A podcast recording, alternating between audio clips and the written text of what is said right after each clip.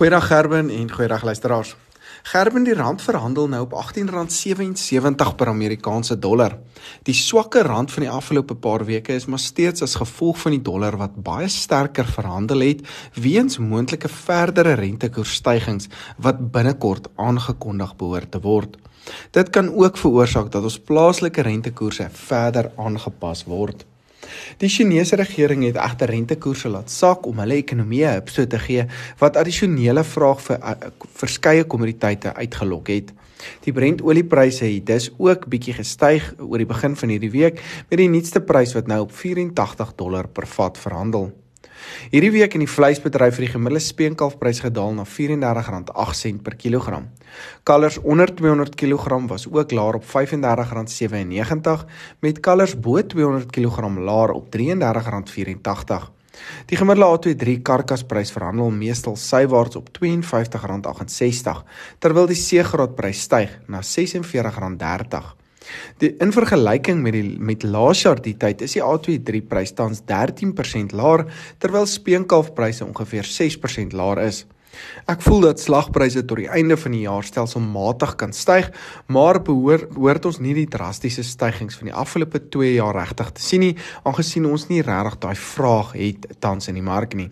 Speenkalfpryse kan nou eers sywaarts beweeg en dan moontlik van September begin styg, soos vraag beter behoort te raak. Vir meer in diepte analises oor my verwagtinge vir vleispryse, gaan besoek gerus ons webtuiste op amtrends.co.za en skryf in vir ons gedetailleerde weeklikse verslae waar ons die jaar se vooruitskattinge ook elke week opdateer. Die gemiddelde stoorlamprys daal met 3% na R40.88 per kilogram met woltipe lampryse op R42.70. Vleistipe stoorlampryse verhandel laasweek op R40 per kilogram. Die A23 karkasprys stabiliseer en verhandel laasweek op R87.20 terwyl die C23 prys daal na R64.44.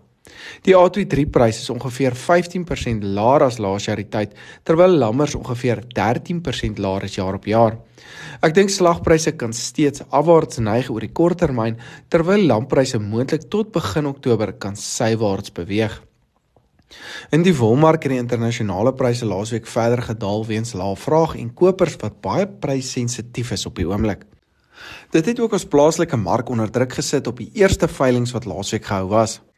Die RWS prys verhandel 3% laer op R172.79 terwyl die nie RWS prys met 5% daal na R158.08 per kilogram. Die gevriesde hoendervleisprys verhandel laer op R34.70. Die varsprys daal na R34.42 met die EQF prys laer op R32.40. Hierdie pryse is gemiddeld 9% hoër in vergelyking met laas jaar.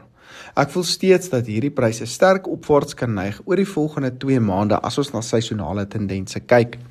Varkpryse styg redelik skerp die afgelope week en behoort dit verder te styg gegee ons nou in die warmer maande begin inbeweeg.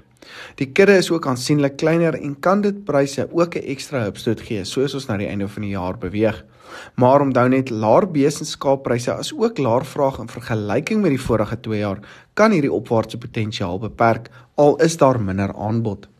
Die gemiddelde spekvarkprys staan tans op R31.57, vleisvarkpryse op R32.15 terwyl die nuutste worsvarkprys styg na R24.38. Grootbokpryse het laasweek gedaal na R39.71. Kleinbokke styg na R63.54 met bokooipryse laer op R37.8. Die verwagting is steeds dat ons van September weer in 'n afwaartse prystendens gaan begin inbeweeg.